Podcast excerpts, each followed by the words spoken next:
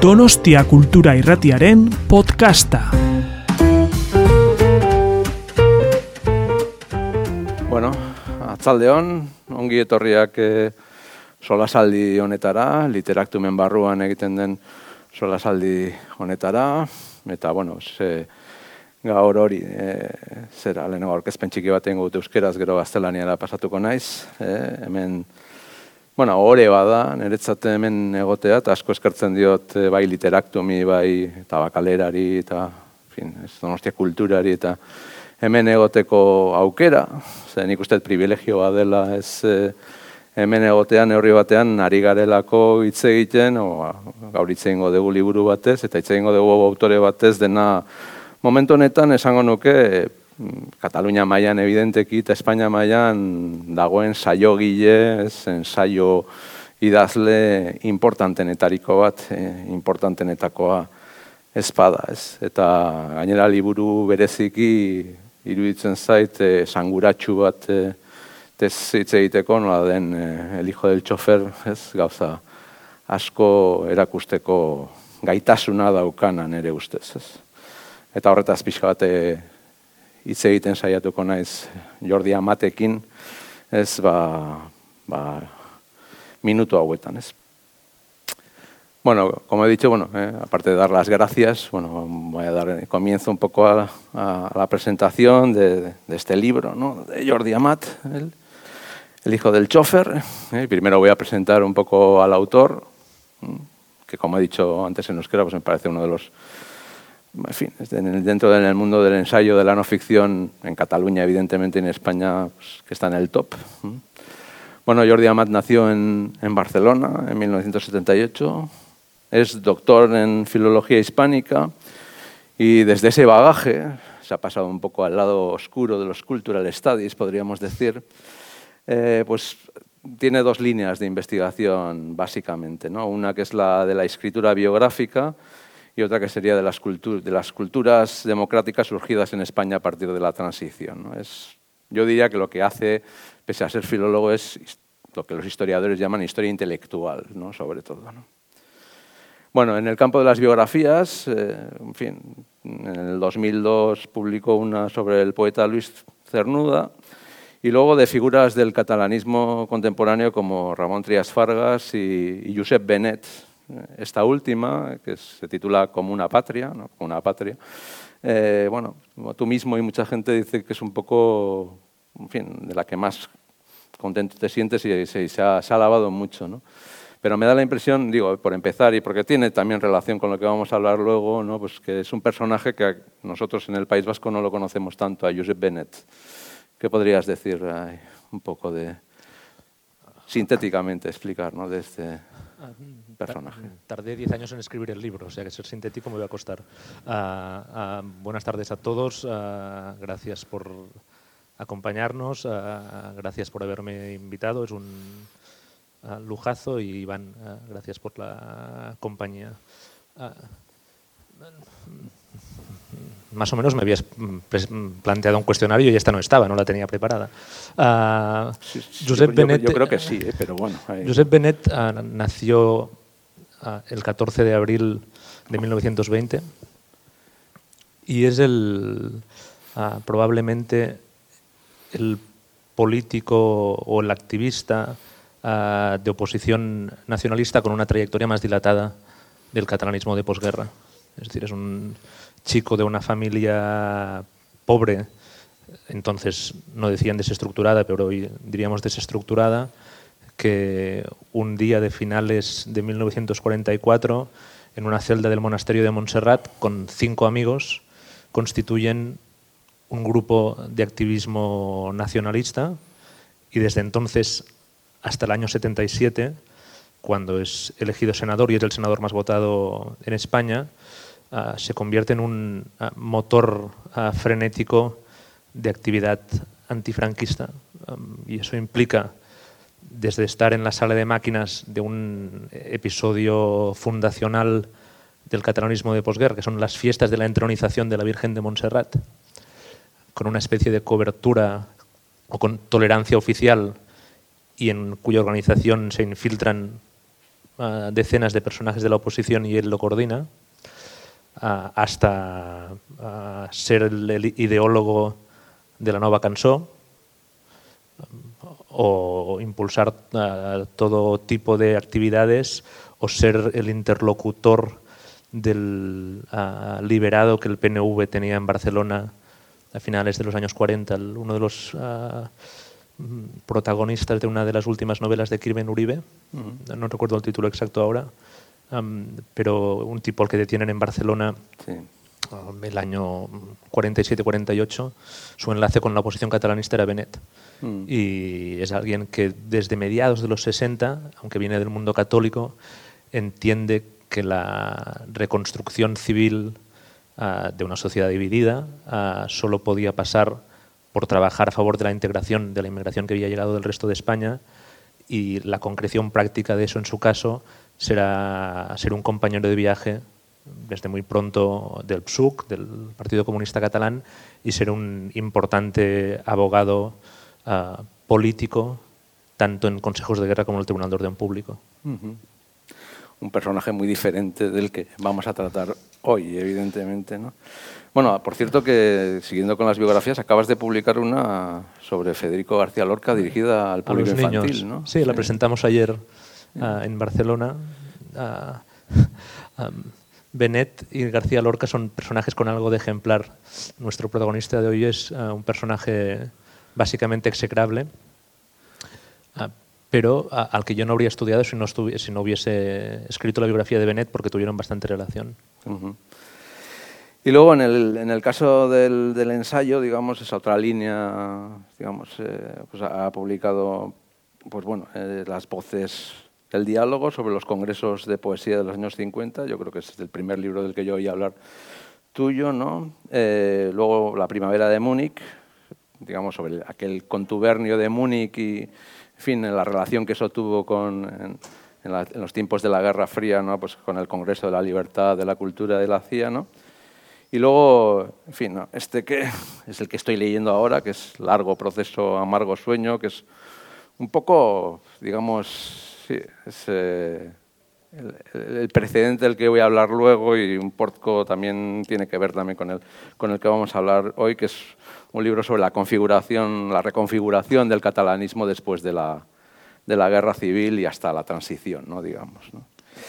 y luego también ha escrito este, este panfleto en el buen sentido de la palabra, ¿no? Eh, esta, esta crónica política, La conjura de los irresponsables, sobre el origen y el desarrollo del proceso, ¿no? supongo que te habrá valido, en fin, muchas malas palabras como equidistante, ¿no? me imagino. Ay, ay, Ah, que sí. te hayan insultado de esa manera. ¿no?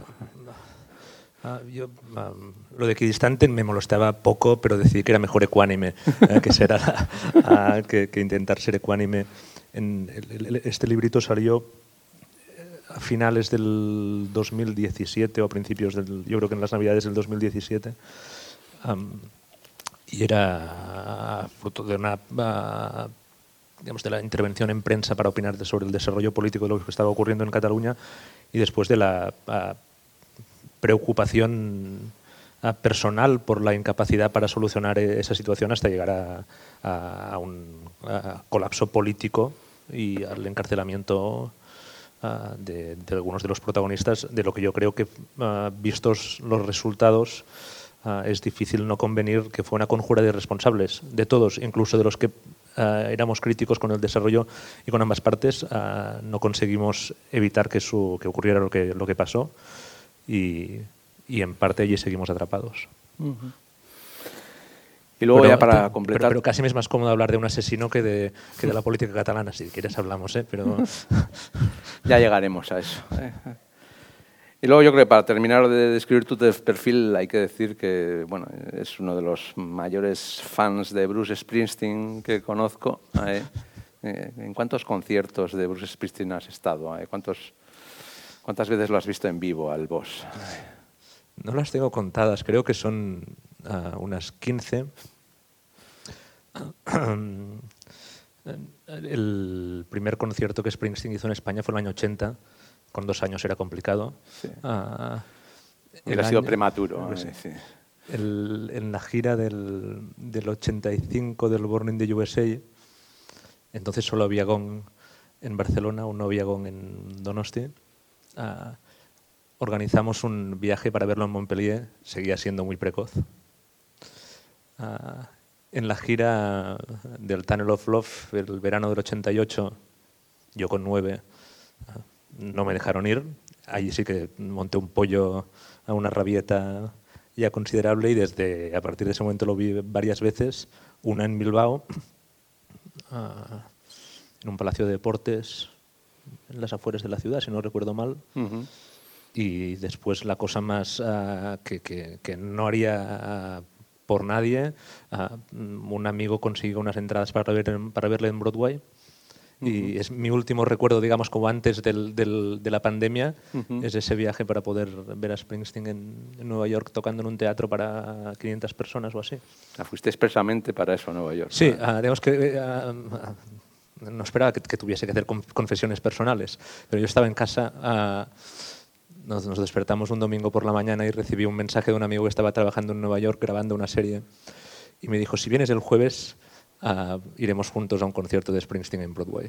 Uh -huh. Y yo pensé, hostia, esto no puedo plantearlo en casa, no, no, no, no, no, uh, no van a, a tolerarlo. Uh, y olvidé el mensaje y al cabo de media hora estábamos desayunando y le dije a mi mujer, escucha, es que Arnaud dice que tiene dos entradas para ir a ver a Springsteen. Y me dije, si no vas, estarás toda la vida uh, dándome la tabarra con que no te deje ir. Haz el favor, por favor, de co comprar uh, los billetes de avión y ya está. Y, y sí, sin, uh, ni por el Barça haría una cosa parecida.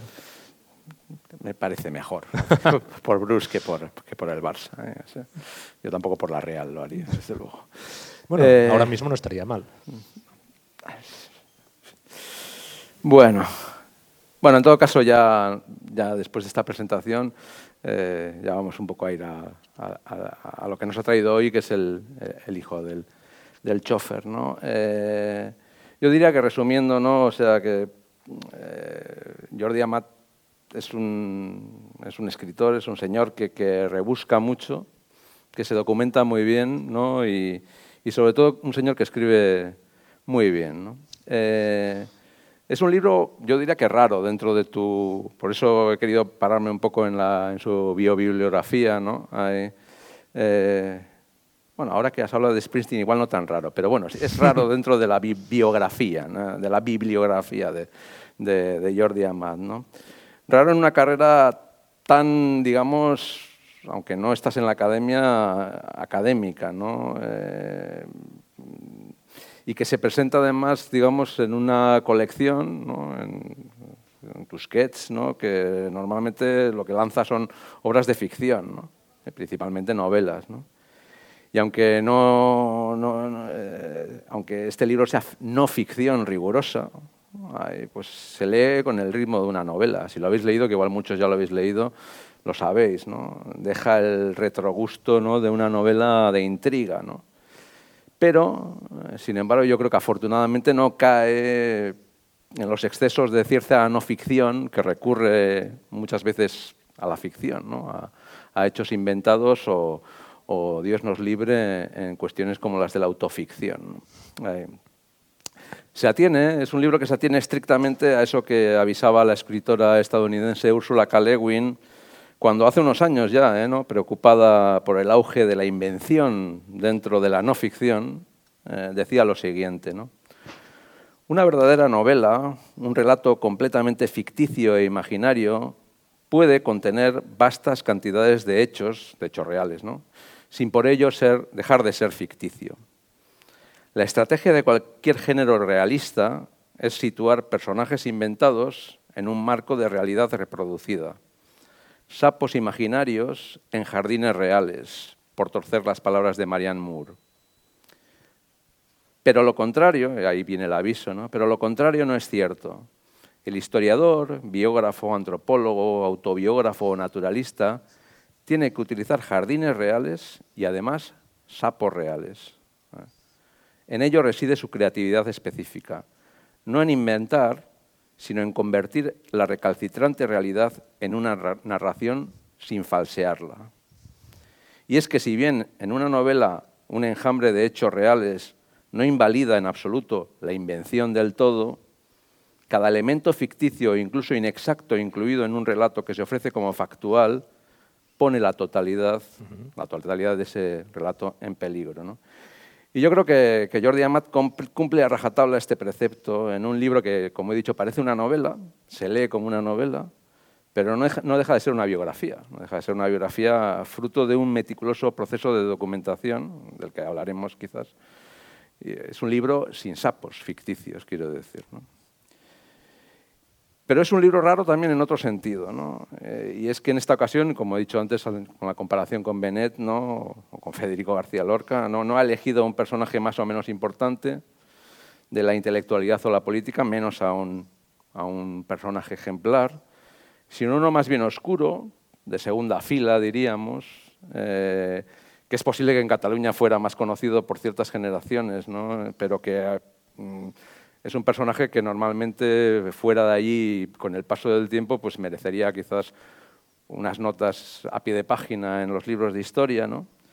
que es Alphonse Quintá, que es un periodista que tuvo su momento de gloria durante la transición, ¿eh?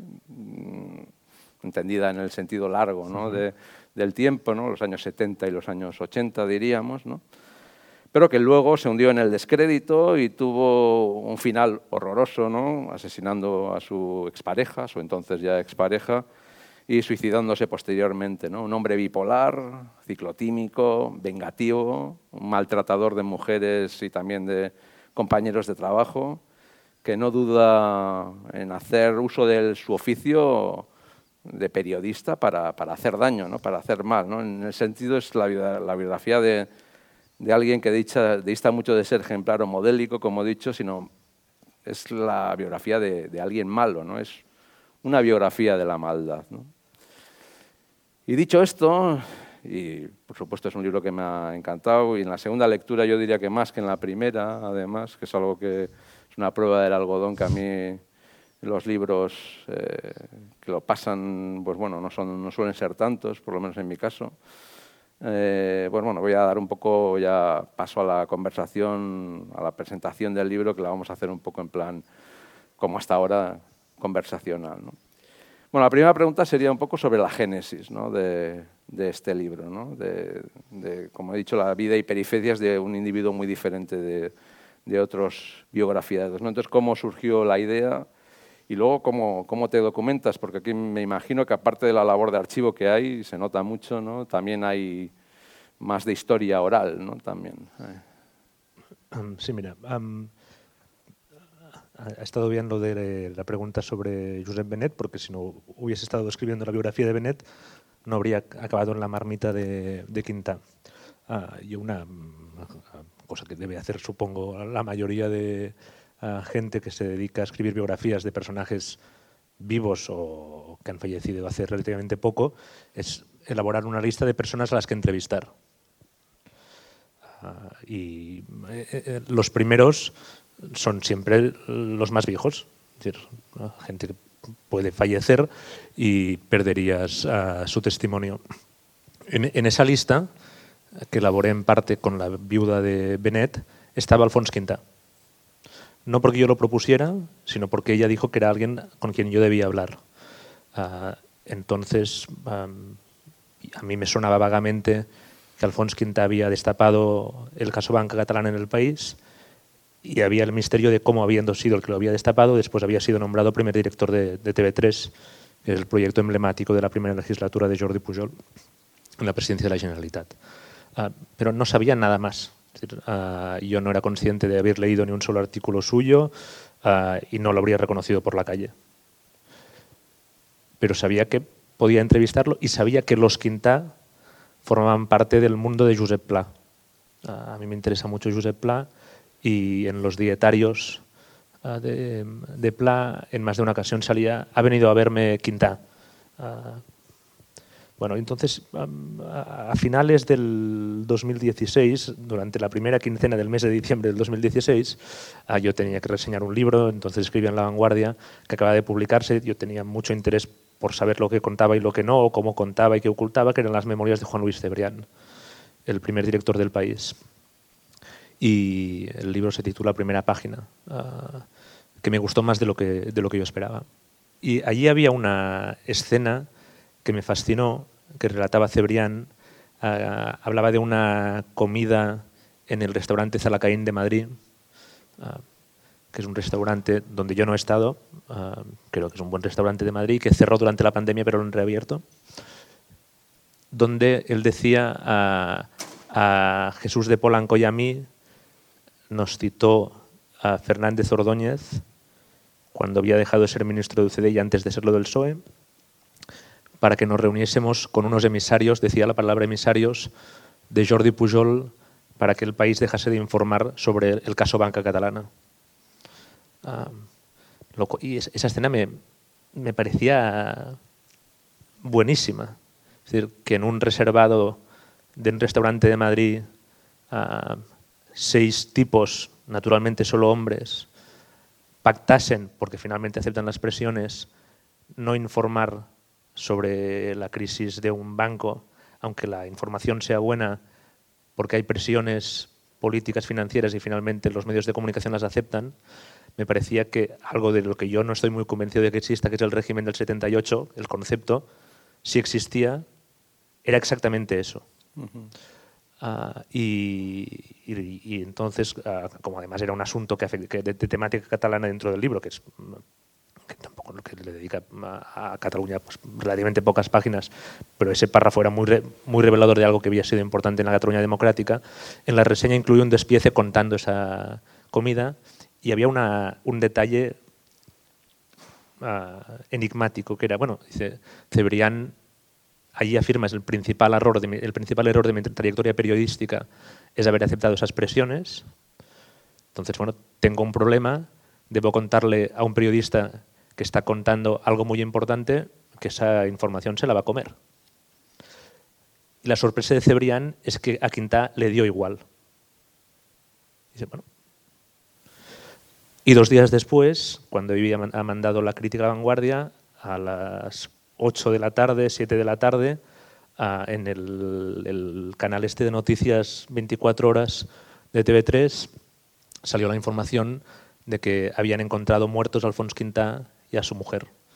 Ah, hubo una pequeña, en las horas siguientes, una discusión, digamos, deontológica, cuando ya se asumió que era una víctima de violencia de género, Victoria, qué era lo informativamente relevante, si ella o él.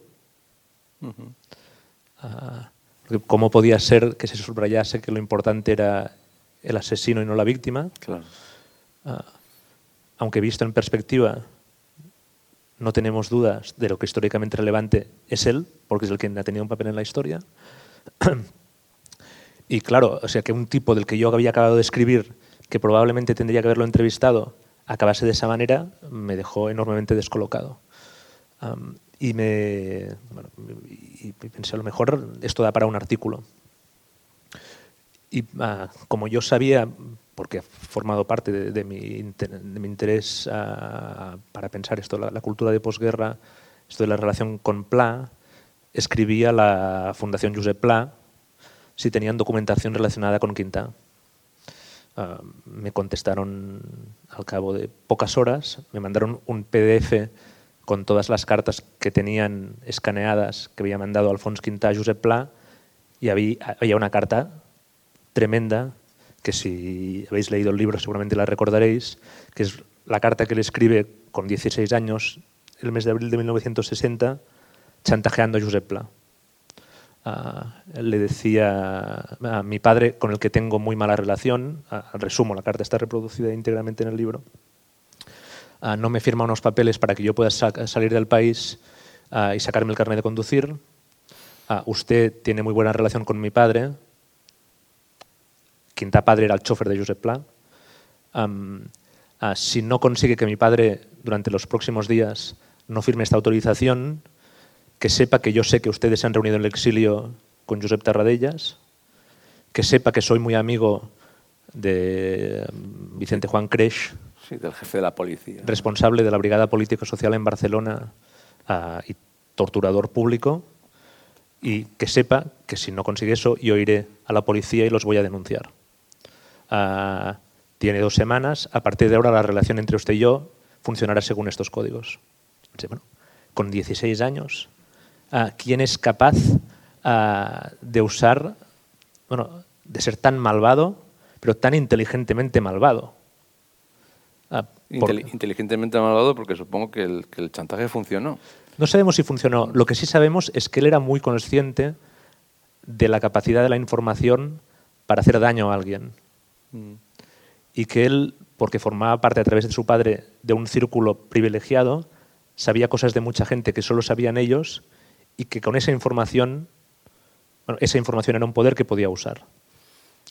Ah, mucho antes de que se le ocurriera ser periodista. Mucho antes de que se le ocurriera ser periodista, pero viendo día sí día también a Josep Pla, porque de alguna manera su padre abandonó la familia para estar con Josep Pla. Ah, y escribí un, ah, un artículo ah, que se publicó a finales de enero del 17, que se titulaba El hijo del chofer, y pasó algo que, que, tú siempre esperas cuando escribes un artículo, que el mundo se paralice y que la gente salga a la calle y te aplauda. Y eso no pasa. Como es lógico, no pasa. Pero lo normal es que nadie diga nada o que alguien se rebote y hubo personas que me llamaron para contarme, ostras, ah, yo puedo decirte, puedo contarte anécdotas de Quintana. Y después en algo que, teóricamente la salud mental dice que no debes hacer, que es mirar los comentarios que hacen en los artículos que publicas, pero es imposible no hacerlo. y había un comentario de una persona que decía, si usted sabía todo esto, ¿por qué no lo contó antes? Yo no lo sabía, claro. Pero había mucha gente que sabía que Quintap podía acabar de esa manera.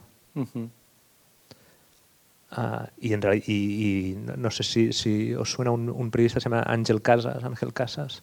Ah, Ángel Casas publicó al cabo de pocos días un obituario en una web de periodistas veteranos diciendo, hemos sido cómplices, porque todos sabíamos cómo era este individuo y nunca nos atrevimos a denunciarlo. Y a partir de aquí me, pareció que el, que el, que el personaje ah, era interesantísimo, ah, pero no sabía exactamente cómo contarlo, porque yo me dedicaba a explicar la vida de personas de bien, ah, no de personas de mal. Y, además me parecía como muy perverso aprovechar una tragedia que era un crimen para escribir un libro, porque había una familia que estaba obviamente sufriendo por las consecuencias ah, de, ese asesinato. Y, fue al, leer un libro pocos meses después, Letitia o el fin de los hombres, de un profesor de historia francés, Iván Jablonka, un libro extraordinario, donde había una reflexión sobre el valor democrático del suceso.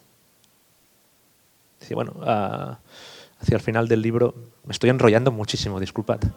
Uh, Letitia es una pobre chiquilla, también hija de una familia desestructurada, que crece en una casa de acogida y cuando parece que se encauza su vida,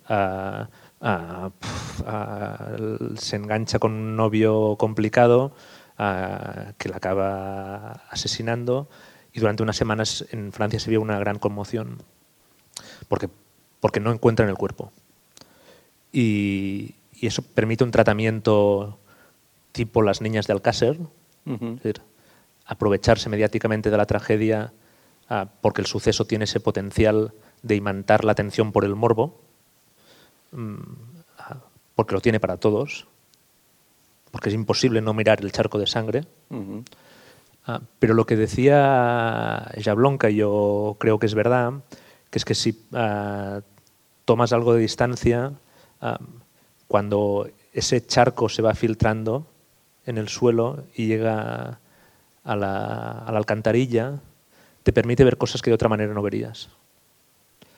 Y entonces entendí cuál podía ser el sentido de escribir un libro sobre este personaje para entender por qué los que sabían habían callado y, lo que descubrías a medida que ibas profundizando en la cloaca es que había una cloaca que era catalana y era, y era española, que no se había contado.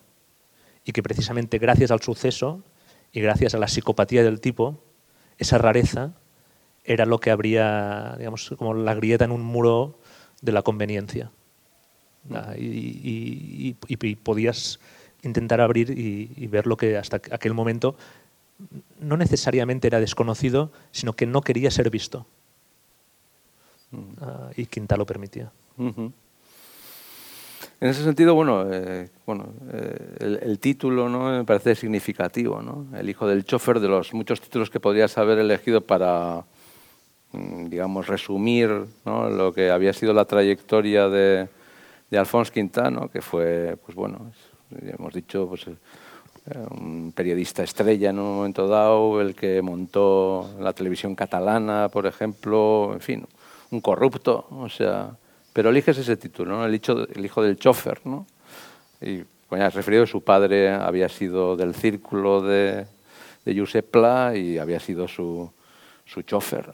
¿no? Y entonces, eh, ¿a qué se debe que te hayas fijado tanto en, en eso? ¿no? Y luego también te pediría un poco que, que nos hablaras de, de Pla y su mundo, porque bueno, todos hemos leído a Pla, ¿no? Todos, pero me da la impresión de que el- la visión que tenemos desde aquí es muy lejana, ¿no? De Pla, todos hemos leído el cuaderno gris y, y así, pero no sabemos realmente qué es lo que significa, ¿no? En, en Cataluña, ¿no? Donde es una figura tan central, ¿no? A nosotros nos resulta mucho más periférica, Claro. evidentemente.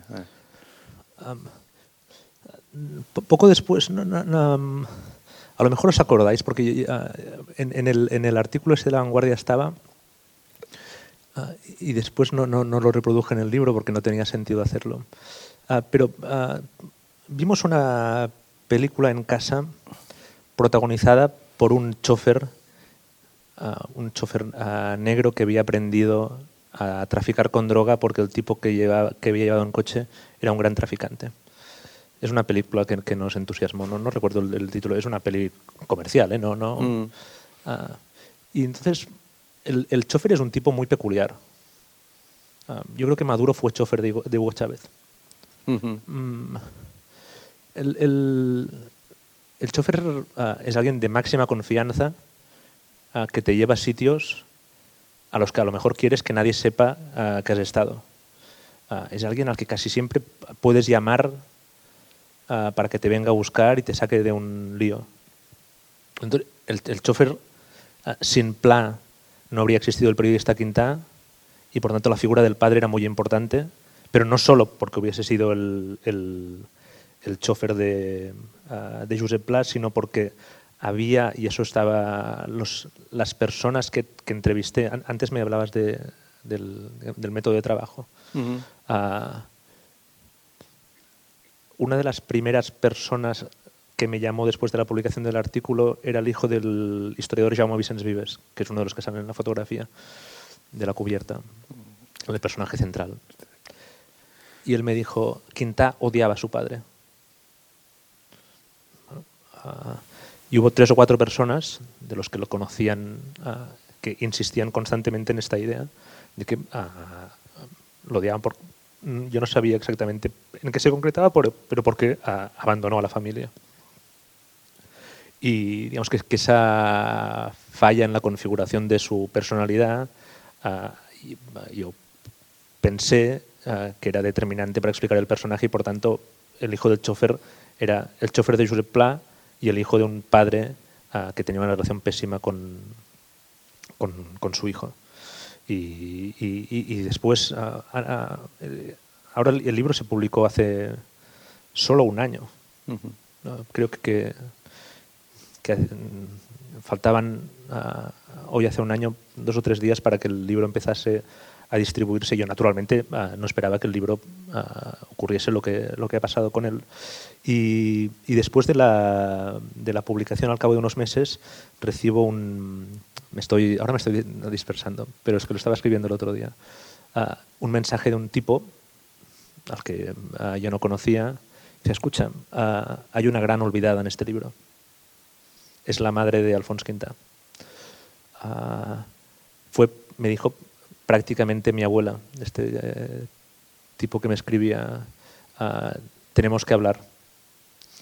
porque a mí me habían ah, dicho dos o tres personas que era altamente probable que Quintao hubiese matado a su madre. Y, pero claro, yo no tenía prueba alguna para afirmar eso. Y, ah, y, a día de hoy no lo descarto, porque lo que está claro es que esta mujer, que pertenecía a una familia rica, sin la que no habría habido coche y por tanto no habría habido chofer, desapareció, no sabemos dónde, dónde está enterrada y no se publicó esquela alguna. Sí, eso lo dices en el libro. Sí, y esta familia que intentó contactar con el padre de este tipo, que era el primo de Quinta, lo llamó para saber dónde estaba y no hubo manera de obtener respuesta sobre eso. Uh, que, la investigación ha continuado después de, la escritura del, libro, descubriendo cosas naturalmente no tan inquietantes como esta, Ah, pero sí muchas porque básicamente, y retorno a la pregunta que formulabas antes, el libro es fruto del trabajo de muchos años de, intentar comprender, el, reconstruir el mundo donde este tipo es posible. Ah, pero el trabajo en los archivos, uno, bueno, el archivo de Josep Pla, el archivo Tarradellas, el archivo del periodista Carles Sentís, ah, el trabajo de Meroteca, trabajo que hace 10 años era muy complicado y ahora es extraordinariamente fácil o sea, las, las investigaciones biográficas sobre personajes contemporáneos, gracias a las hemerotecas digitales, es un cambio enorme para que la investigación sea mucho más ágil y precisa. Y después entrevisté a, a, mucha gente, la mayoría quiso hablar, quiso hablar conmigo, algunos me pidieron por favor que no contase que ellos eran la fuente y por eso el libro no les explicita y algunos pocos me dijeron que no querían hablar de Quinta básicamente porque haber hecho la carrera en paralelo a él no era una medalla que a día de hoy nadie quisiese, quisiera colgarse. La pregunta sobre uh, Josep Pla. Pla es uh, probablemente el prosista más importante de las letras catalanas contemporáneas, un periodista que empieza a publicar libros el año 25 y que desde el año 25 tiene miles de lectores constantemente. Ah, políticamente complejo, ah, siempre en una órbita catalanista y durante la guerra civil, como su mundo conservador se pasa a, la sublevación franquista, con, creo con poca gracia actúa de, de espía durante unos meses a favor de Franco. De hecho, la primera persona que desvelará que fue espía franquista será a Quinta durante la transición y un tipo que a mí me fascinó porque con esta ambigüedad en su conducta política, ambigüedad en todos los sentidos de su vida, pero en la ideológica y política que es la que yo estudiaba, de repente, cuando pierde la posibilidad de ser director de la vanguardia, que es lo que él esperaba cuando viene, ahora no recuerdo, de haber estado trabajando en el diario vasco en los, en los primeros días del 39 con Manuel Aznar.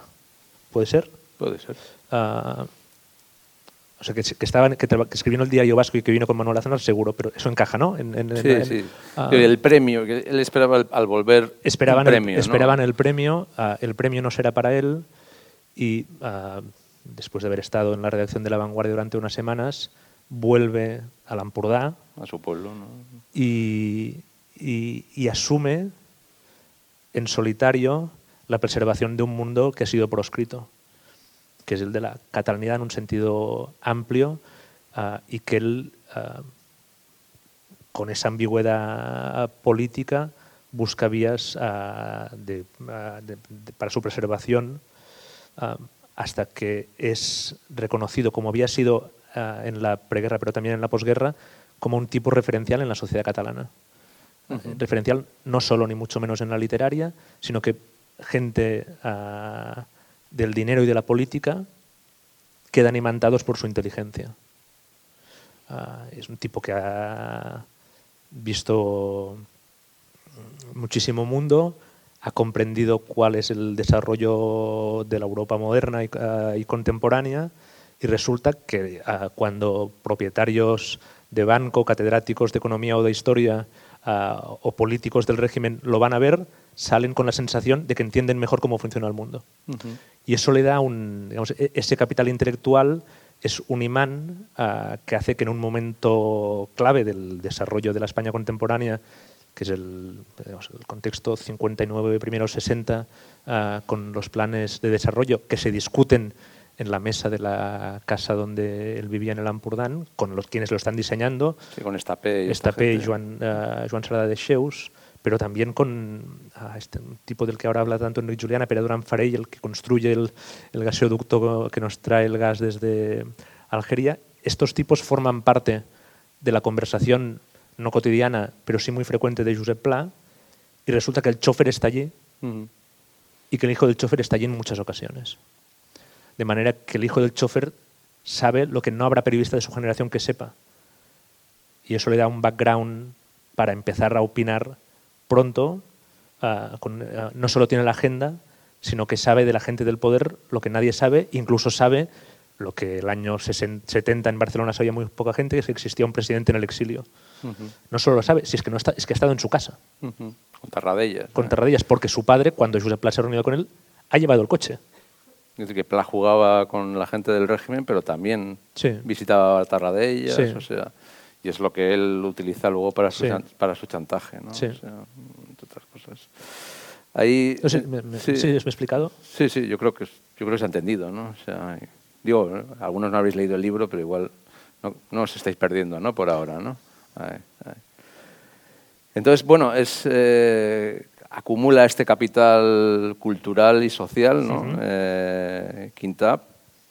Y, y luego, pues, eh, digamos, a partir de la segunda mitad de los 60, pues él está de estudiante, en fin, se hace marina, pero todo también eh, empieza a estudiar para periodismo mi- mientras empieza a colaborar en medios, se hace marxista, como mucha gente en aquella época, intentan entrar en el Partido Comunista, en el PSUC, ¿no? Eh, con una, Es una cosa que una, una cosa rocambolesca, Rocambolesca, que da, da para un cuento. o sea, ¿no? Sí, ah, y me- me la- yo tenía un amigo ah, editor que falleció hace pocos meses, uno de los, ah, a lo mejor os suena una colección, se llama Ariel Quincenal, de Ciencias Sociales, y después es uno de los fundadores de la editorial Crítica, Xavier Folk,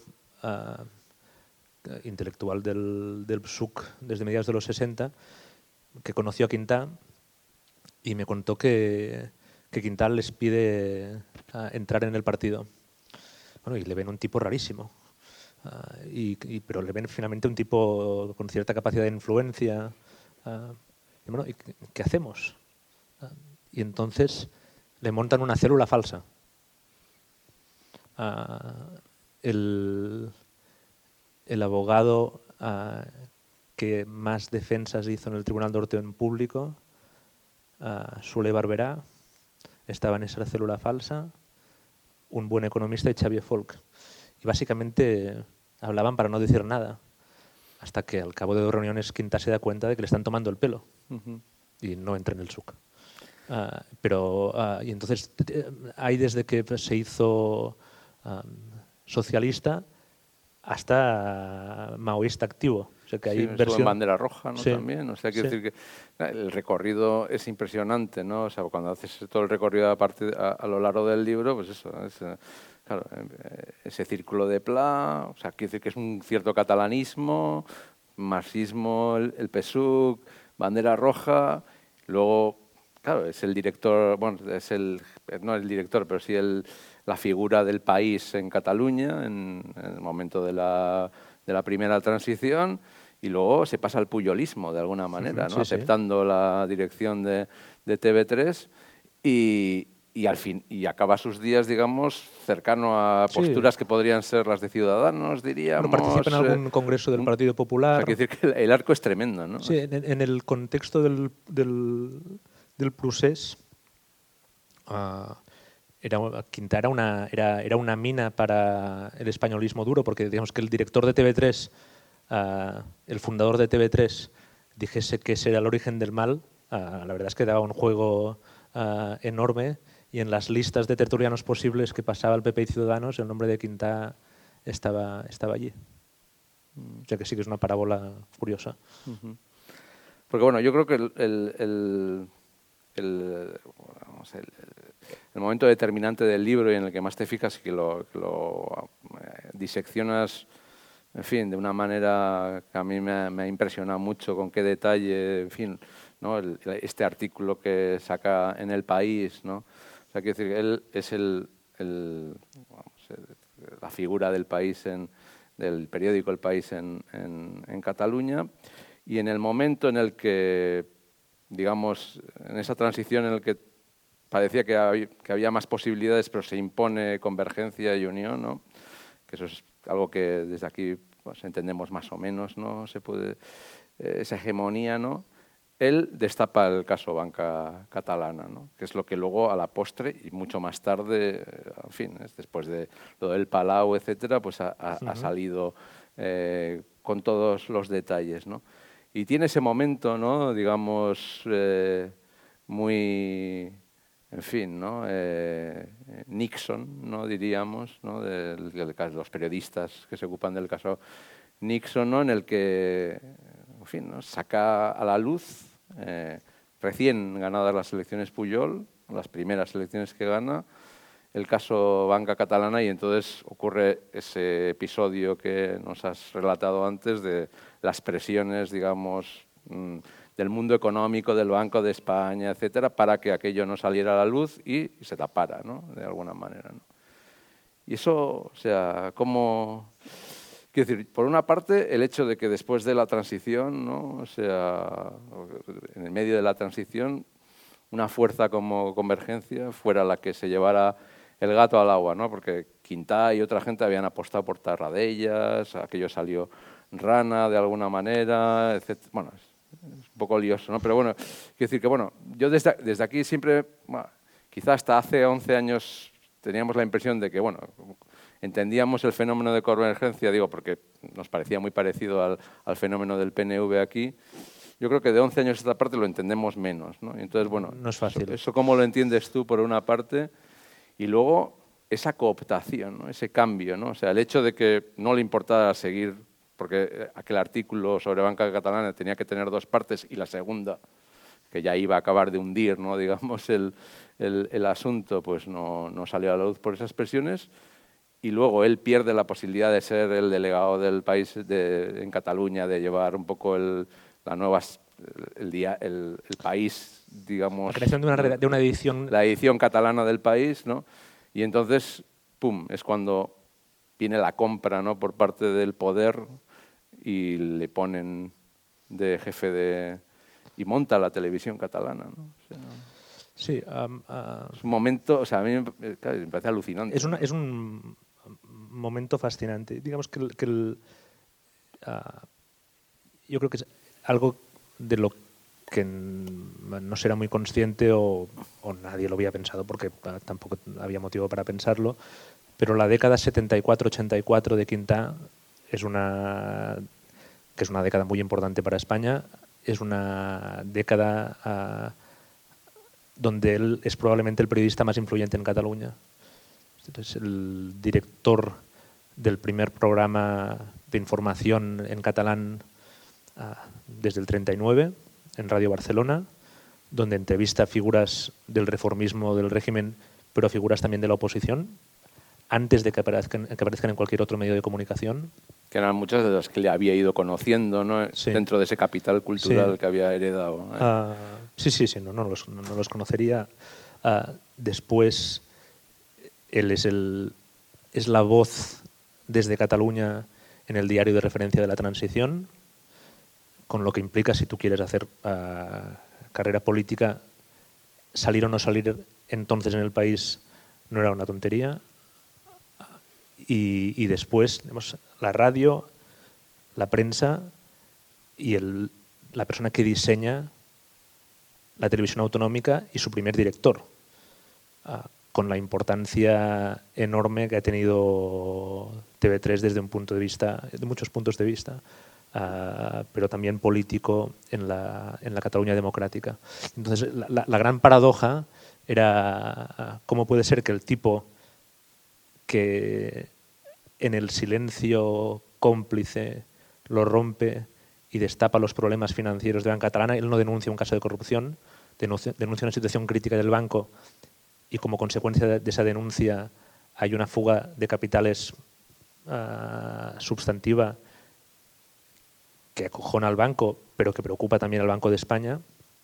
Um, ¿Cómo es que este tipo, que uh, no publica el segundo, pero que meses después inicia una campaña sostenida de informaciones puntuales, señalando siempre que el principal accionista del banco es el presidente de la Generalitat, que no deja de ser singular que un presidente de la Generalitat sea el primer accionista de un banco, que este tío sea la persona a quien el presidente Pujol elige para ser el director de un proyecto emblemático. La explicación tradicional era el chantaje. Cuadraba perfectamente con el personaje. Uh, y, y, probablemente, novelescamente, habría estado bien tener una escena uh, en la que Quintá iba a la plaza de San Jaume con unos papeles y le decía a Pujol, o yo soy director o te hundo. Pero eso yo estoy convencido que no pasó. Uh, es que esas cosas no pasan, yo creo. Yo creo que esas cosas no, uh, no, no pasan. Quiero decir que ahí es donde entra lo novelesco y sí. es lo que hay que evitar. Sí, ¿no? uh, y, lo entonces, que haces muy bien en el libro. Hay, un, un, el, el, libro tuvo una... se benefició de la pandemia en un sentido, que es, primero, como estábamos encerrados en casa, yo no, no, podía verme con, con, los amigos y tal por Zoom, pero no les comentaba a mis colegas que estaba escribiendo un libro que decía cosas que a lo mejor me hubiesen recomendado que no contase. Y después, uh, no sé si a vosotros os pasó, pero gente con la que querías hablar y que nunca había momento para hablar, como el tiempo era infinito, pues media hora hablando, yo no quería hablar con Bill Gates, pero, uh, pero yo quería hablar con el director de entonces de La Vanguardia, Uh, y sí, había media hora para hablar. Y tuve una larga conversación con el, la persona que fue el, el primer director de, de, la edición catalana del país, el periodista Antonio Franco, que también uh, murió hace relativamente poco, donde me contó su versión de los hechos, porque él había sido la persona que le dijo a Quintá, tú no serás el director de la edición catalana.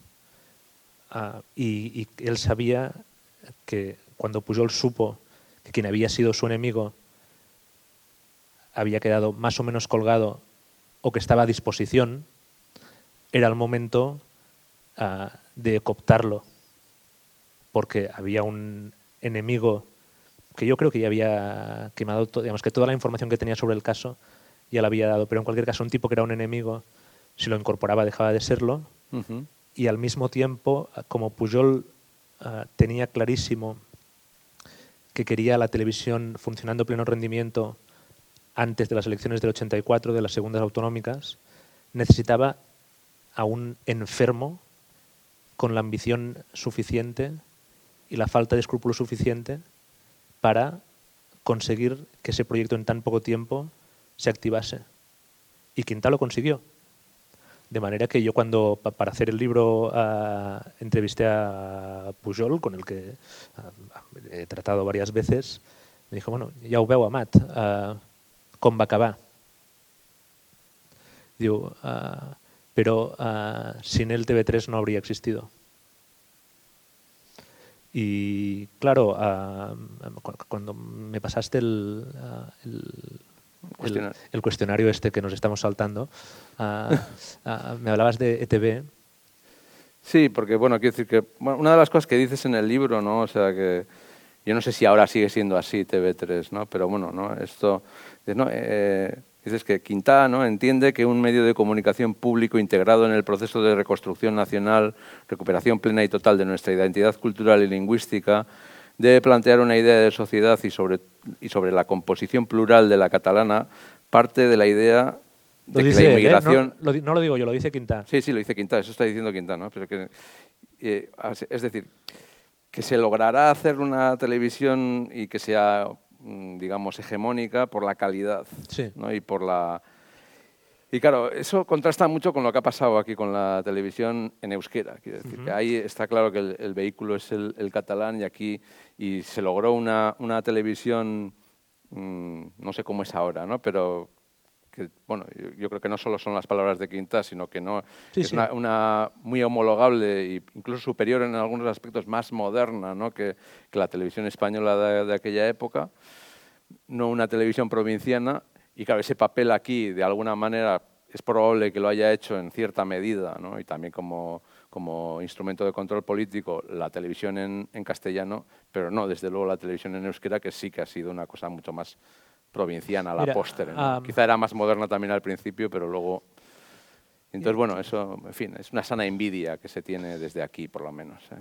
O sea, que, de un, que- que un tío, que un tío tan disfuncional ¿no? Sí. fuera capaz de montar un, un instrumento, digamos, tan moderno y tan... eh, en el momento en el que la televisión todavía contaba algo, ¿no? que es probablemente lo que ahora Sí, ya no. Esa es una de las diferencias. Ujú. Am, no, no, ah, había una... El padre de la ministra Calviño, ah, creo que era el director de televisión española, Mm. Es verdad. y ah, dijo al- no queremos que no, ah, este el, el cuarto canal es como debía denominarse ah, esperemos que sea una televisión antropológica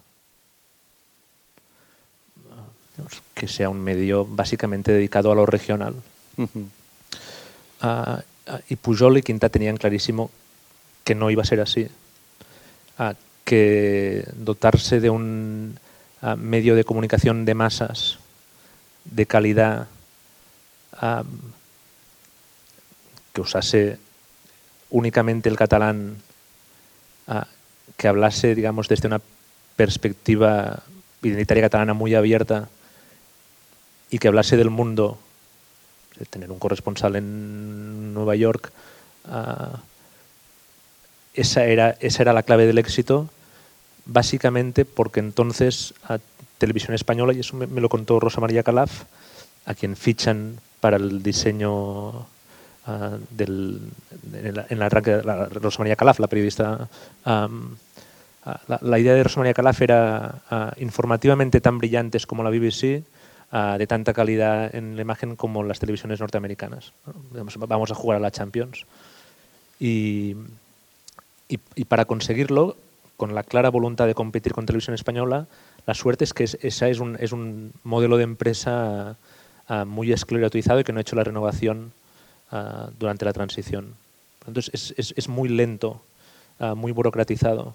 Ujú. Entonces, el problema de TV3 es que ahora también lo ves en parte, porque han pasado, Claro. ah, han pasado muchos años, pero la ambición con la que se pone en marcha ese proyecto ah, es, es tremenda y, y un ejemplo eh, no es solo retransmitir los partidos del Barça, ah, Televisión Española había pasado una serie, o sea, una especie de culebrón norteamericano del mundo del petróleo, Dallas ah, que tenía una audiencia considerable, pero había criterios morales que llevaron a no renovar para la siguiente temporada.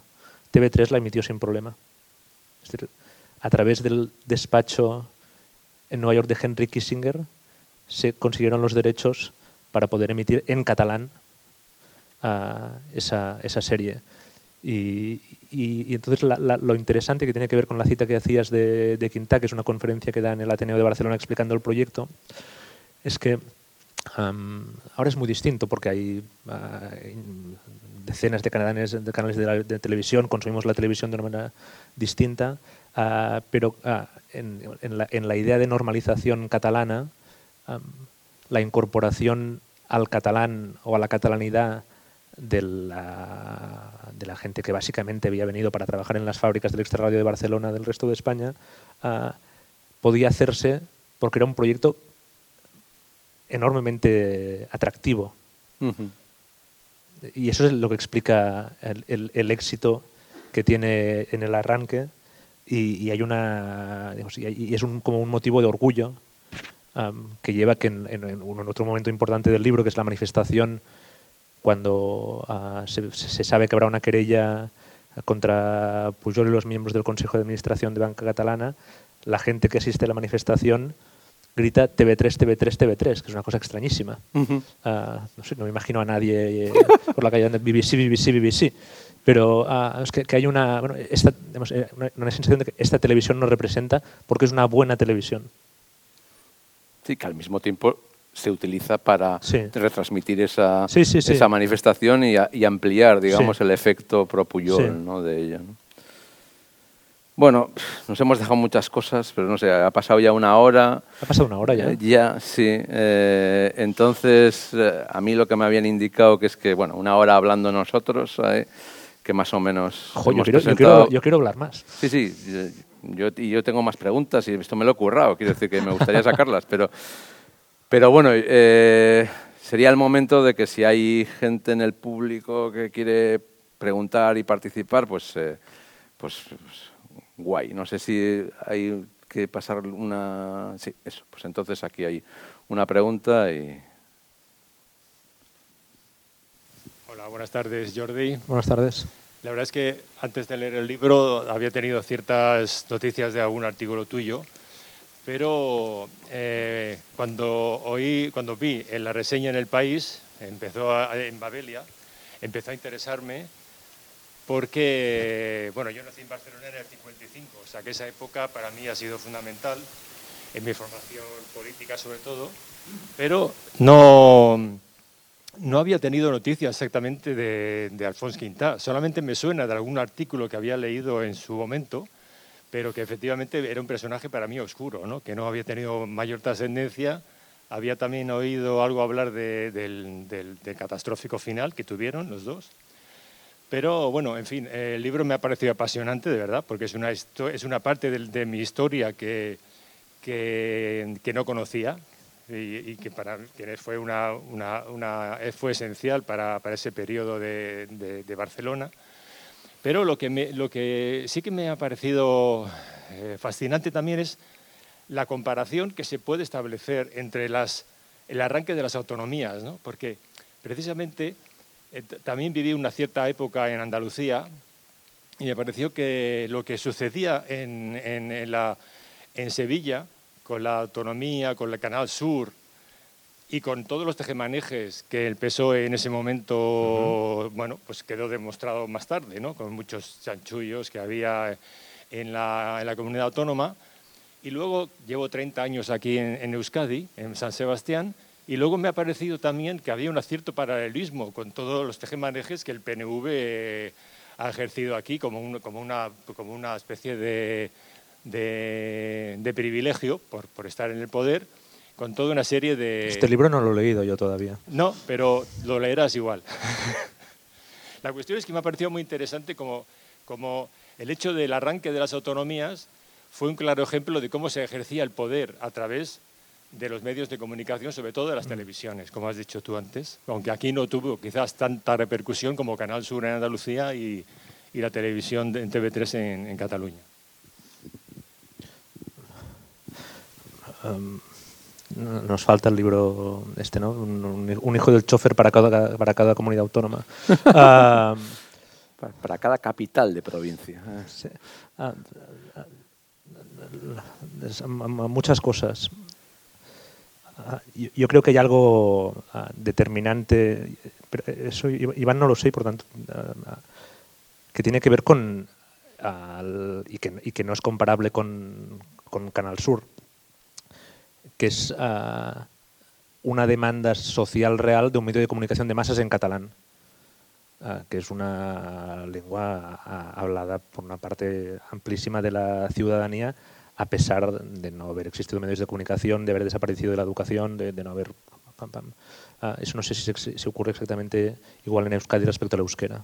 Es que el, que la- el proceso de normalización responde a una, a una naturalidad en el uso común del, del catalán Mu- mucho menos. y que por tanto digamos que es, es, ah, el, el ejer- la, la decisión política de construir instituciones que normalicen la- el, el- el uso de la lengua pues eh, es, es- es- es casi es una demanda lógica porque la gente vive mayoritariamente en catalán.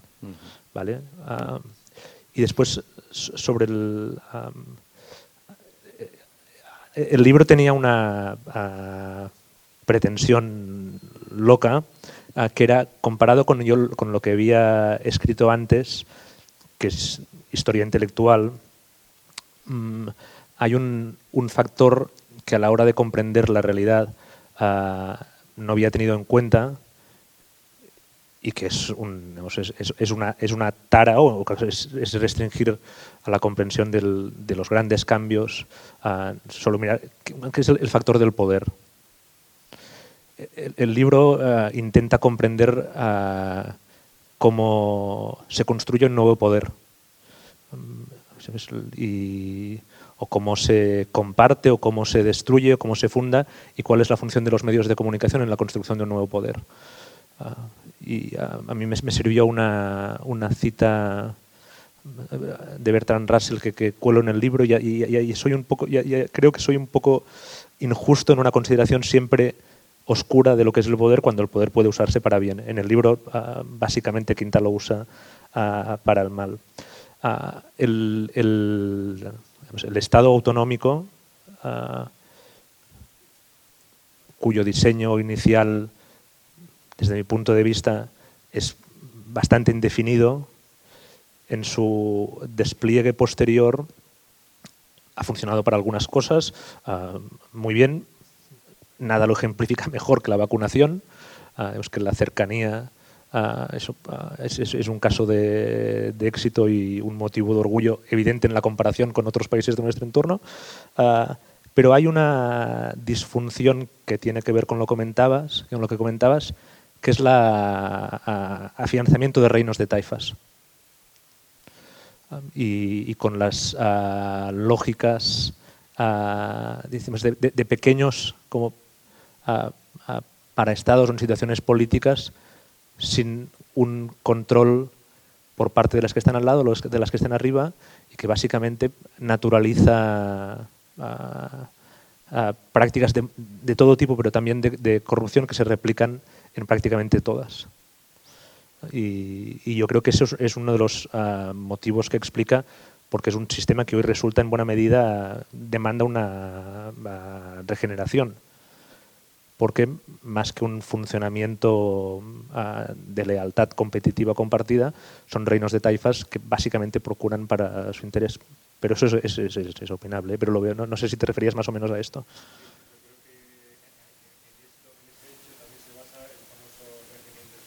Uh -huh. tipo de corruptelas en los diferentes estados autonómicos y al se rige por, por su propio idiosincrasia, ¿no? con sus uh -huh. propias costumbres eh, corruptas. ¿no? Siempre ahí la pregunta yo creo que sería si, si es consustancial a un proceso de, de descentralización, no, no, que es no. el del Estado de las autonomías, o es más bien consustancial a algo que venía Mira, de antes. Quiero decir, el, el, ascen el, ascen el ascenso de Puyol no fue, quiero decir, eh, en los 60, cuando los hechos del Palau, denunciando al franquismo como un régimen corrupto, ¿no? Sí, sí, hay, una, hay, una, hay, hay un, uno de los panfletos que escribe uh, en esos años y que lo llevan a ser detenido, torturado y encarcelado, uh, porque las tres cosas ocurrieron. Que es donde acumula su capital político, de sí, alguna manera, ¿no? Y hasta cierto punto a conciencia, Mm. Es bestial que alguien tenga la lucidez política uh, de ver eso como una inversión. No, no, decía si es, es, algo que no está, no es naturalmente inherente a la, a la, a la descentralización. Eh, pero para volver a los, a los casos uh, que planteabas, uno de los asuntos que yo creo haber aprendido escribiendo el libro en relación al pujolismo que es la, la utilidad de la alternancia para la oxigenación de las instituciones. Y eso yo, yo sí creo que, uh, que, que uh, figuras uh, en el poder que se conservan durante periodos largos es muy difícil estadísticamente que no haya que no empiece a haber elementos de, de corrosión Uh, y, y, eso uh, creo que, va, digamos, que, que, es, que, la alternancia es claramente sana para la mecánica democrática. Mm. Tiene que ver con personas con, con, con, y, con partidos. Más. Hola, buenas vespre, ¿se, ¿se oyen? Sí, yo quería discutir una cosa, Iván, cuando ha dicho que desde aquí se entiende, se entiende un poco, entendemos por paralelismo lo que ocurrió allí. Yo creo que no, y mucho menos la transición. Lo que habla el libro de lo que habla el libro eh, tiene consecuencias también en la sociedad vasca. Es decir, el libro empieza cuando el plan de estabilización, lo que está hablando es la gente que para el plan de estabilización, pero al mismo tiempo es una burguesía que cuando inventa la nación a finales del siglo XIX, la catalana, lo hace para intervenir en el Estado español, porque son industriales, Madrid no es una sociedad industrial, no lo va a ser hasta el plan de estabilización, y lo inventan la nación, eh, en términos, digamos, sociológicos, o hacen la nación, para, después del final del imperio, intervenir intervenir de acuerdo con sus intereses en la nación española o en el Estado español, etc. Aquí el nacionalismo en principio se monta contra la industrialización, en principio, otra cosa la trayectoria posterior. Pasamos por la guerra civil, pero donde se inicia el libro, ese es el hilo que nos sale en los 60, es una burguesía que quiere intervenir, eh, venimos de la autarquía, en los planes de desarrollo, etcétera, eh, de acuerdo a sus intereses, que son los intereses industriales. ¿no? En las consecuencias de eso, en el País Vasco, en Guipúzcoa, por donde pasa el tren, se triplicó la población desde el 55 al 75. El cambio de la estructura social durante esos años aquí también es tremendo. ¿Cuál puede ser la diferencia?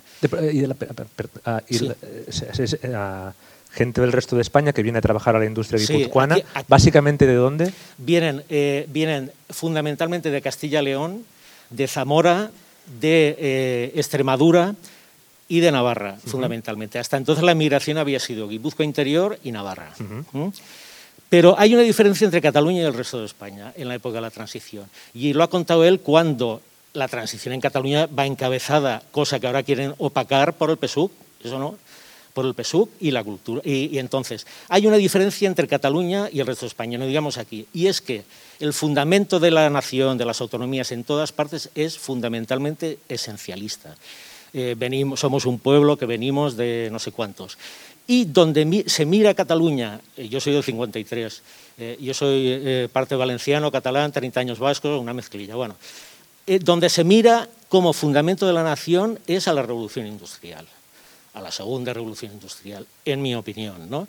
Es decir, solo hay que ver eh, las películas culturales, etc. decir, aquí se hace Amalur, donde los, eh, donde los artistas son como sumos sacerdotes, representantes de un pueblo que viene de hace 10.000 años, y en Cataluña se hace Miró Pinta, se presenta Tapies y tal como trabajadores está la Alianza del Mundo del Trabajo y la Cultura, y en principio en la época de la transición, más que eh, qué es lo que se ha roto ahora, es eh, la referencia es el mundo industrial. Las primeras películas que se hacen nacionales, La ciudad cremada y tal, hablan de burgueses, de proletarios, etc. Ahí se mira entonces, no sé si estarás de acuerdo, no tanto al 1714.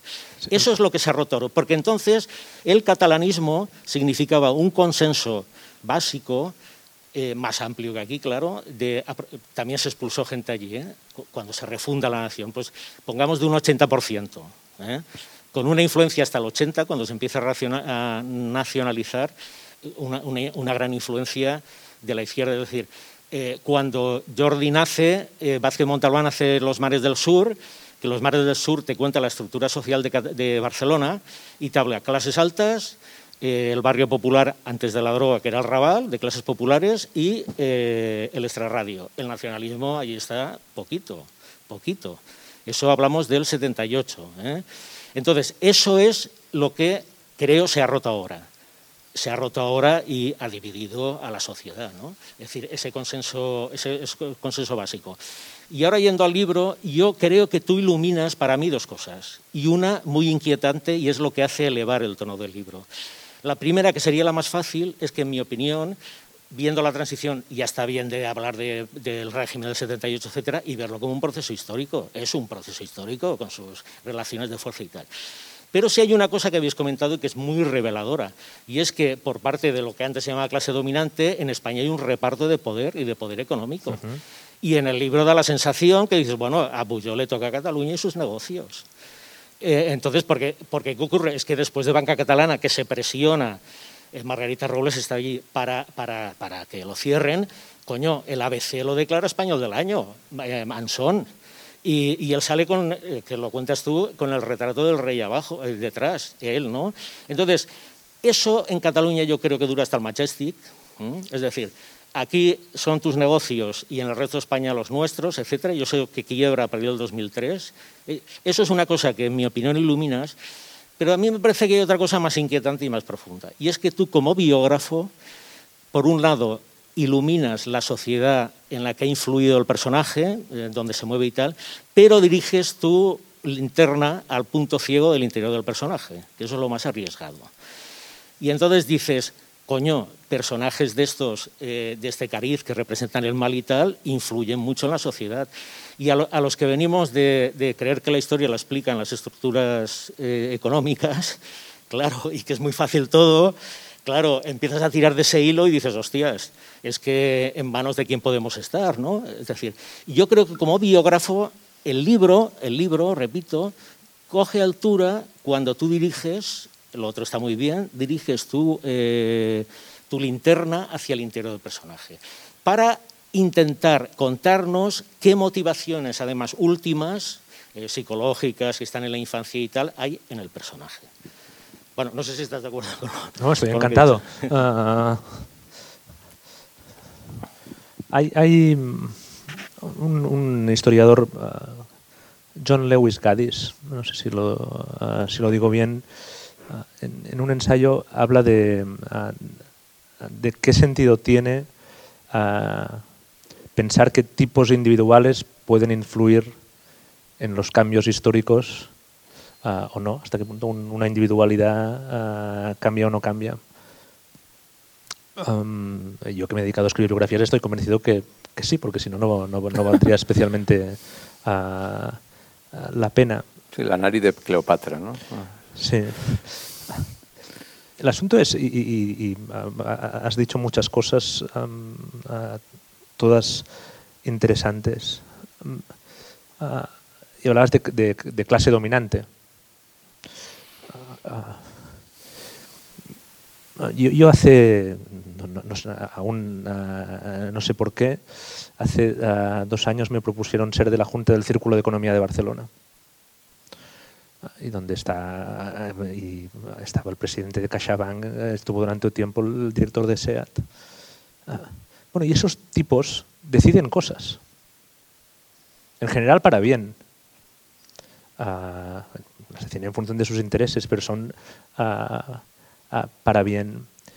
Y, lo problemático del caso es que a veces mm, en las decisiones que toma el poder necesita comportarse de una manera amoral. y es ingenuo no verlo de esta manera. Incluso con la voluntad de hacer el bien a veces se comporta de manera amoral. Y Quintá, que en algún momento pensó que él podía domar al poder, yo creo que no se dio cuenta de que el poder había descubierto en él alguien capaz de hacer el mal y que por eso les interesaba. Y que cuando ah, ya cumplió con su papel, ah, progresivamente ah, lo fueron abandonando. Es decir, hay individuos concretos que están dispuestos actuar de manera amoral, por suerte son pocos, pero muchas veces son los que son capaces de hacer cosas en muchos casos ah, perversas, pero en algunos ah, condicionan el desarrollo de los procesos históricos, creo. Sobre las televisiones. Eh, TV3, que era una gran televisión, eh, jugó. Hay una cosa que me interesa mucho desde el punto de vista de renacionalizar. ¿eh? en TV3 trabajaba, la burocracia que trabajaba, trabaja en TV3 correspondía al abanico del catalanismo, los sindicatos eran comisiones, UGT, etcétera.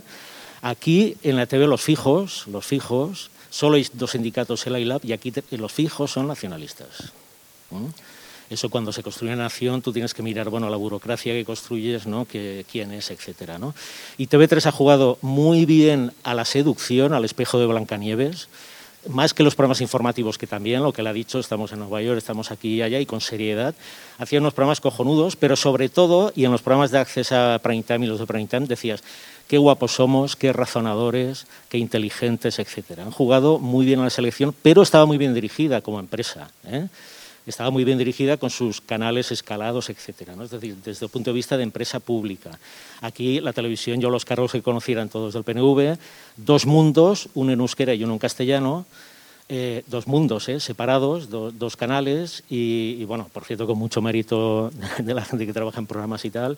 Y solo tenemos que ver un programa como Goencale, que se tenía como el ejemplar, es el equivalente a, las series que se hacían en, TV3 después de comer. En TV3 hacían unas series, cuando tenía más éxito la cambiaban por otra. Se veía el efecto locomotora. Aquí Goencale era para siempre y en Goencale incluso creo recordar siendo Ángel Lerchunti el coordinador de guiones, estaba era el pueblo emblemático. Estaba prohibida la gente de fuera. A mí me dijeron, bueno, una vez vino una cubana, pero le, eh, inventamos una bola vasca o algo así, ¿no? Es decir, nada más. Eh, ¿Se oye? Sí, buenas tardes, señora Matt. Eh, me ha sorprendido al principio la alusión que ha hecho al libro de Yablonca, Leticia, fin de los hombres, porque leyendo su libro, señora Matt, y leyendo el libro de Yablonca, no veo ningún elemento en común, curiosamente. Hmm.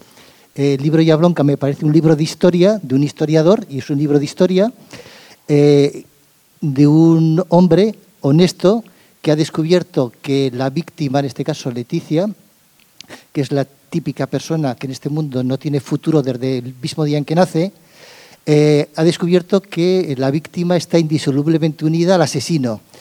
Y todo el libro, todo su trabajo consiste en liberar a Leticia y hacer en todo caso que el asesino sea un satélite de ella y no al revés. Es decir, eh, dignifica, limpia la figura de, Leticia, la independiza y, la engrandece en toda su, vamos a decir, eh,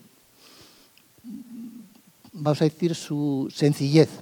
En cambio, el, libro de, usted lo he leído como una novela, a pesar de que en aquellos años yo vivía en Barcelona y, conocía a algunos de los personajes, incluso eh, directamente, no por hablar, pero verlos físicamente, hay personajes que cita. Lo he leído como una novela porque como es una historia de indignidades tan grande, vamos a decir que cabe en una historia, es decir, como si la realidad no cupiera, sobre todo pensando en que nos han eh, de alguna forma, los mitos que se han ido creando con respecto al régimen llamado el 78, simplemente la transición, eh, eh, el libro de usted, digamos, es muy interesante porque empieza a explicarnos muchas cosas de ahora mismo, no solamente de aquellos años, sino de ahora mismo, y cada vez deja más claro que no sé por qué estamos tan orgullosos de ese, de ese proceso, cuando en realidad en, Cataluña en aquellos momentos se hablaba del trencament democrático, y creo que eh, yo siempre eché de menos que hubiera una ruptura democrática y no una continuación del régimen franquista a un régimen democrático, pero en el que las mismas caras fueron cambiando y, su libro, su novela casi diría yo, que lo he leído como una novela interesante, eh, va de alguna forma explicando, ¿no? incluso creo que cita la famosa frase de eh, del gato pardo de hay que cambiar lo suficiente para que todo siga exactamente igual, ¿no? Hay que cambiar el dinero de manos para que sigan las mismas manos. Me parece interesante eso y sobre todo eh, este, libros como este, como el suyo ahora mismo, son interesantes para eh, explicar, sobre todo en el mundo de la prensa, porque muchas veces se suele decir que el periodismo es una profesión de mucho riesgo, que los periodistas mueren, y claro, eh, dices, bueno, aquí en la España de los años 80, 90, 2000, morir periodistas, no sé si habrán muerto igual de infarto, muerte natural, pero por hechos violentos se puede decir que, casi ninguno ha muerto, aunque aquí murió, sí murió sí, alguno. Sí, sí, ah. quitando Euskadi, quitando, ¿eh? Pero, eh, ahora me refería más en general, y sin embargo, como la prensa fue, en cierto modo, cómplice de todas estas indignidades, iniquidades, las toleró, las aceptó, las ocultó, las embelleció y de alguna forma eh, nos, eh, eh, nos deja un regusto absolutamente amargo. ¿no? El caso Puyol o la familia Puyol, muy interesante, el, el emérito, diríamos ahora también, muy interesante el caso, o muy interesante cómo consideraban determinadas personas que era el poder para ellos. Eh, eh, recuerdo la frase de Marta Ferrusola cuando perdieron las elecciones y la sensación de que entraban en su casa como dijo ella, es como entrar en mi casa y abrir los armarios y ver lo que tenemos dentro, no, simplemente porque había cambiado el partido que iba a gobernar Cataluña, es decir, Cataluña era mi casa, mi alacena, mi armario, eso es muy interesante, que, en otros sitios no se ha dado y que en Cataluña sí que se dio. Sobre la, primera parte de, su comentario a propósito de la, comparación con el, con el libro de Jablonka, que es un libro... Um, el libro está pésimamente traducido al castellano. La historia es muy buena, pero muy mal traducida. Um, es, es, un, es, un, libro que yo tuve la tentación en, en los primeros capítulos que redacté, que los redacté en catalán, uh, de hacer un making of de la investigación mientras, mientras la iba haciendo, que es lo que hace a, Jablonka en el libro, y finalmente me pareció que, digamos, que, no, que moralmente no era justo que yo estuviese por allí uh, contando. A, a, mí el, el, libro me sirvió, uh, y, y, antes no sé si lo he explicado bien, para buscar una, digamos, una justificación política al ejercicio literario que yo estaba desarrollando. Es decir, ¿por qué vale la pena más allá del suceso y del morbo, a adentrarse a saber cómo fue posible un crimen como aquel. pero, y, no sé si supongo que debemos terminar, no sé. A, mí había dos autores más um, en los que pensé mucho cuando estaba escribiendo el libro. Uno era Bullar y el orden del día, no sé si lo habéis leído, uh, pero es aquel, a mí me fascina la escena inicial del, del, libro, que es aquella en el que no sabes qué está ocurriendo, pero que unos señores como vestidos muy elegantes llegan a un edificio que parece un palacio, todos vestidos iguales, suben unas escaleras uh, y que simplemente ves la, la escena y de repente abre la puerta Hitler y les pide que financien la campaña electoral. Yo pensé, ostras, yo si soy capaz de ir mostrando escenas a, a, lo, a, lo, mejor consigo que se vea lo que a, en aquel momento se vio y no se entendió lo que estaba ocurriendo. Que creo que es el cambio que se ha producido durante los últimos años en la concepción de la transición es, pero si estaba allí, ¿por qué no nos lo contaron? Si estaba allí, si, si, si lo veíamos, no. Y, y después estaba el, uh, el adversario de, de, de, Manuel Carrer, que es, que es un, un libro que durante el, el, el, la escritura del libro tuve que, que, prologar para una edición catalana uh, y, que es, y que allí también está el, el, yo de Carrer contando la investigación de ese, de ese caso horrible del, del, tipo que está mintiendo durante décadas a su familia hasta que no puede aguantar más la mentira y se los carga a todos. Um, y por tanto es un, es, es un, análisis de la impostura, uh, de cómo es posible una impostura de, de ese calibre. Y a mí también me, me funcionó para saber uh, la, cómo la, la, mentira tapa el mal y cómo contar a un personaje maligno que es, yo sabía que es lo que tenía entre manos. Uh -huh. Hablando de iluminar, hablando de iluminar. En Valencia, en el diario Levante, conforme denunciaba más a Zaplana, Zaplana subía en las encuestas y, y en las sucesivas elecciones. El director de ese diario, que era Ferran Belda, consiguieron llevarlo a Girona a dirigir otro diario, ya yo un mar de corruptelas y digo, ostras, que me voy a poner ciego, y le prohibieron publicar nada. ¿eh? Entonces, ¿hasta qué punto en la eh, refundación catalana o renacionalización catalana y tal, eso fue importante y asumido por todo el mundo, el opacar? Y hasta qué punto, incluso me parece relacionar, eso lo vieron necesario. ¿Mm? ¿Hasta qué punto? No será consciente o a la hora de renacionalizar pensaron, ostras, aquí el espejo que tenemos que presentar es eh, ejemplar. A mí me ha pasado a veces leyendo cosas del siglo XIX, dices, es que muchas veces el merdé, cuando la sociedad tiene idea de que, su, de que su sociedad es un merdé, pues han tirado hacia el totalitarismo, esto la política es un desastre, etc. Es decir, ¿hasta qué punto el opacar estas prácticas que hostia, es que cuando Treseras yo me acuerdo una digámoslo de otra manera digámoslo sí. de, otra, de otra manera uh, hasta qué punto una sociedad que funciona que progresa uh, inevitablemente tiene una corrupción de baja intensidad que permite que funcione.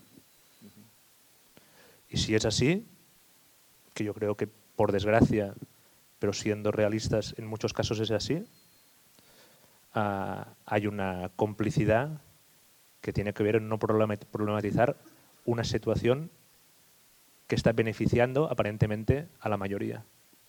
Entonces, no se trata exactamente de opacar a conciencia, sino de participar de un modelo que es efectivamente de prosperidad, a pesar de que para que uh, eso sea así, sus élites sean en parte corruptas. Es que yo me acuerdo de una entrevista con... con y, y, disculpa, sí. hay, hay, una, una pregunta que le hicieron a un, a un periodista que, que, que sale, no, ahora no recuerdo si sale en el libro, ¿no? a, a, Néstor Luján y que yo siempre he pensado, en Pujol le preguntaron una vez cuál es el político más importante de la historia de Francia. Y él decía Richelieu. ¿Cuál es el político más corrupto de la historia de Francia? Decía Richelieu. Y, hay algo uh, en el ejercicio del poder que tiene que ver con a quién beneficias para beneficiar al común que puede ser que tenga algo de corrupto en el ejercicio estricto de la decisión de que sea ese y no sea el otro. Uh, lo que pasa es que, que eso es, son, son, son, dinámicas que se pudren y para que no se y para que no se pudre el sistema lo bueno es que hay alternancia. Exacto, exacto. E, es lo que me quería referir eso. Cuando el 2003 llega el tripartito, dices, por lo menos hay una alternancia de élites en el poder. Y me acuerdo cuando llega Tres Serras de conseller, ¿no? que era, bueno, era de Esquerra Republicana, sabían, salta lo del Palau y era una cosa que sabían, sabían, le preguntaban, era sabido lo que ocurría en el Palau, más o menos, etc. Nada, una pequeña anotación.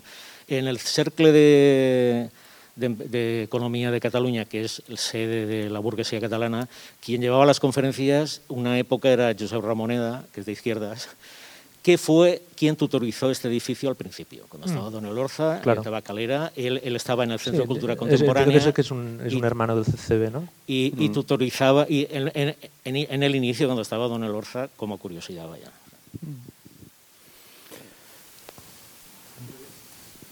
Sí, pues ya teníamos que ir terminando porque eh, era hasta y media. ¿eh? No sé qué hora es. Pero bueno. personal, pero por supuesto que tiene que ver con, con, lo que estamos hablando. No sé si frecuentas San Sebastián. No. No. Bueno, eh, la, la, pregunta es que va porque, mm, como ya te he dicho antes, yo soy nacido en Barcelona y cuando viví toda esa, toda esa época de la transición, eh, ah, acércate porque no sí, sé. La mayoría, bueno, la mayoría, mucha gente de, de, de, de mi círculo, de gente de, izquierda, sindical y tal, admirábamos al, a, a, los vascos. O sea, el movimiento que había contra el franquismo y era una especie de fraternidad, ¿no? Que todos, muchos queríamos venir aquí al País Vasco pues porque nos sentíamos muy, muy fraternales con ellos en la lucha contra el franquismo y demás. Y entonces Barcelona en ese momento era, era una ciudad una ciudad faro en, en España, ¿no? Era pues eh, la, la, ciudad progresista, industrial, de izquierdas, que tenía mucha, mucha gente como referencia. En cambio ahora noto una cierta, eh, como he dicho antes, decadencia, ¿no? Ah. Decadencia. Y yo creo que está, está claro, según mi opinión, que la decadencia viene por el procés en gran parte, ¿no? En todo, entonces, Ahora yo no me voy a escapar de esta pregunta. ¿no? yo lo siento, ¿eh? pero es al pelo.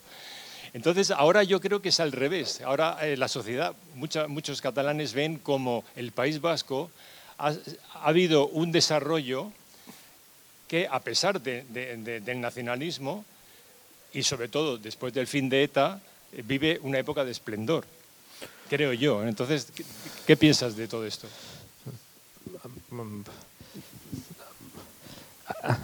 A pesar, barra y por. Es, es, uh, deberíamos convenir. Uh, hay, estoy pensando, Iván, espera. Uh, mira, el, otro día me, me escribió un, un, un, profe que se dedica a impulsar la necesidad de la investigación y el desarrollo centrada en la industria. Un profesor ah, catalán que me decía, bueno, hemos construido grandes centros de investigación ah, y hemos hecho investigación puntera no aplicable para nuestro modelo industrial. bueno, ¿Cuál es el contraejemplo? La respuesta era la que yo esperaba sobre el, caso vasco. Ah, en este sentido, digamos, el, proceso de desindustrialización vivido en Cataluña durante las últimas décadas ah, se mira en el espejo en el espejo vasco, ah, no, ah, aunque sean modelos distintos. ahora hay una, una, discusión interesada sobre la decadencia de Barcelona, con yo que estoy poco de acuerdo. Yo tiendo a pensar que las consecuencias para todos del colapso político del 17 seguimos atrapados en ese momento porque es muy difícil hacer política cuando el tipo que era presidente de la Generalitat vive, yo no tengo problema en decir que vive exiliado en, en Waterloo, la, palabra no me importa, pero simplemente no puede volver a España porque lo van a encarcelar. Ah, y eso, ah, asuntos de este tipo tienen a la política catalana en buena medida enmanillada y, esa deriva dificulta muchísimo que pueda captar talento. Yo lo veo muy ah, complicado porque es entrar en una dinámica ah, muy... Ah, es, realmente poco estimulante. Es realmente poco estimulante. Y sobre la ciudad, las élites locales desde el primer momento consideraron que Ada Colau era una intrusa. y además es que lo era, porque era un outsider que se convirtió uh, en, un, en alguien conocido por un activismo, digamos, antisistémico en la lucha contra los desahucios, que es un problema enorme para la, es, un problema irresoluble y enorme y habla del enquistamiento de las desigualdades en nuestras sociedades. Uh, y desde el primer momento hubo una oposición porque por primera vez una intrusa estaba en el ayuntamiento y el discurso de la decadencia uh, empezó entonces, aunque los datos económicos de Barcelona no se, no se adecuan a un discurso impulsado uh, por parte de una gente que es consciente, llámese uh, el lobby hotelero o inmobiliario, de que es una propuesta política que con enormes dificultades y ah, en último término con enormes capacidades para intervenir, ha cuestionado ciertos privilegios ah, y quieren ah, legítimamente, han activado una campaña de desprestigio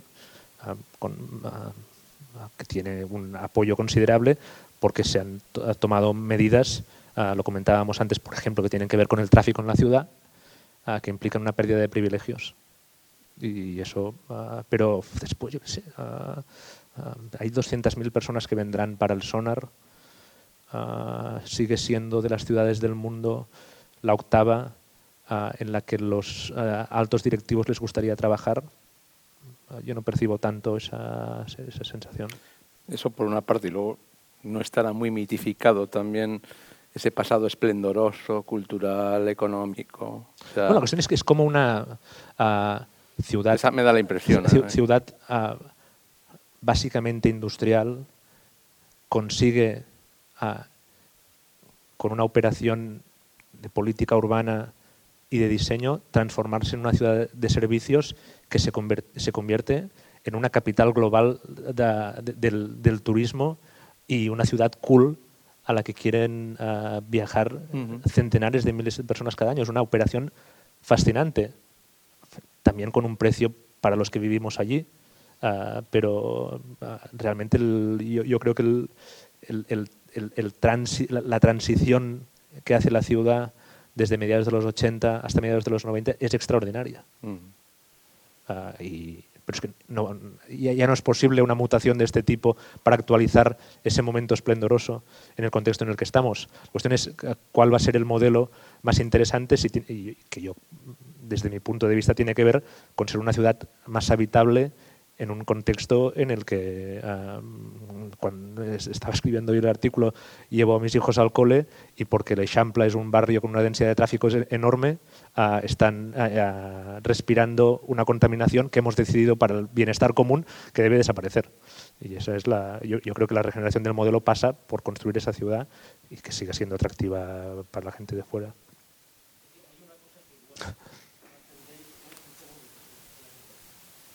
La, es decir, aquí la sociedad industrial eh, da turismo y hay una cosa súper significativa. Eh, la población aquí ha disminuido desde los 80 un goteo, eh, por lo menos en los pueblos, y en cambio el PIB se ha multiplicado. Uh -huh. Y aquí la población ha subido muchísimo y el PIB Se ha mantenido. se ha mantenido. ¿Qué ocurre? Eh, que es un fenómeno que aquí tiene que llevar 30% de migración, que todavía y otras perspectivas. Aquí estamos en un 10, pero Sí. hay que llevar. Pero esa es una diferencia que yo no sé si se, si, si, si se debió desde aquí se capta mucho. Por, por lo que ha contado él, que todavía el mito industrial, etcétera, pues se queda. Bueno, yo creo que es momento ya de dejarlos. Nos hemos dejado muchas cosas en el tintero, evidentemente. Es una invitación también a, a seguir leyendo. Hay, si alguien todavía no lo ha leído, pues ahí No, si tiene lo- la oportunidad de si- Si lo comprarlo. ha leído igualmente puede. Eh, si lo ha leído también, para regalarlo. Esa- vienen las Navidades, que es un momento muy bueno para regalar este libro. Habrá, bueno, des- habrá desestabilidad, no, no- no habrá productos porque los, los, los buques que vienen de China con el libro Eso, no llegarán. por eso, Aprovechate está aquí, está es aquí. Es, produ- es un producto de, por- Sí, de proximidad Sí, eh, sí. en estos momentos. Lleva, lleva- lleva chips. Lleva, lleva chips. Entonces, bueno, pues muchas gracias, Gracias. a Jordi y muchas gracias a vosotros.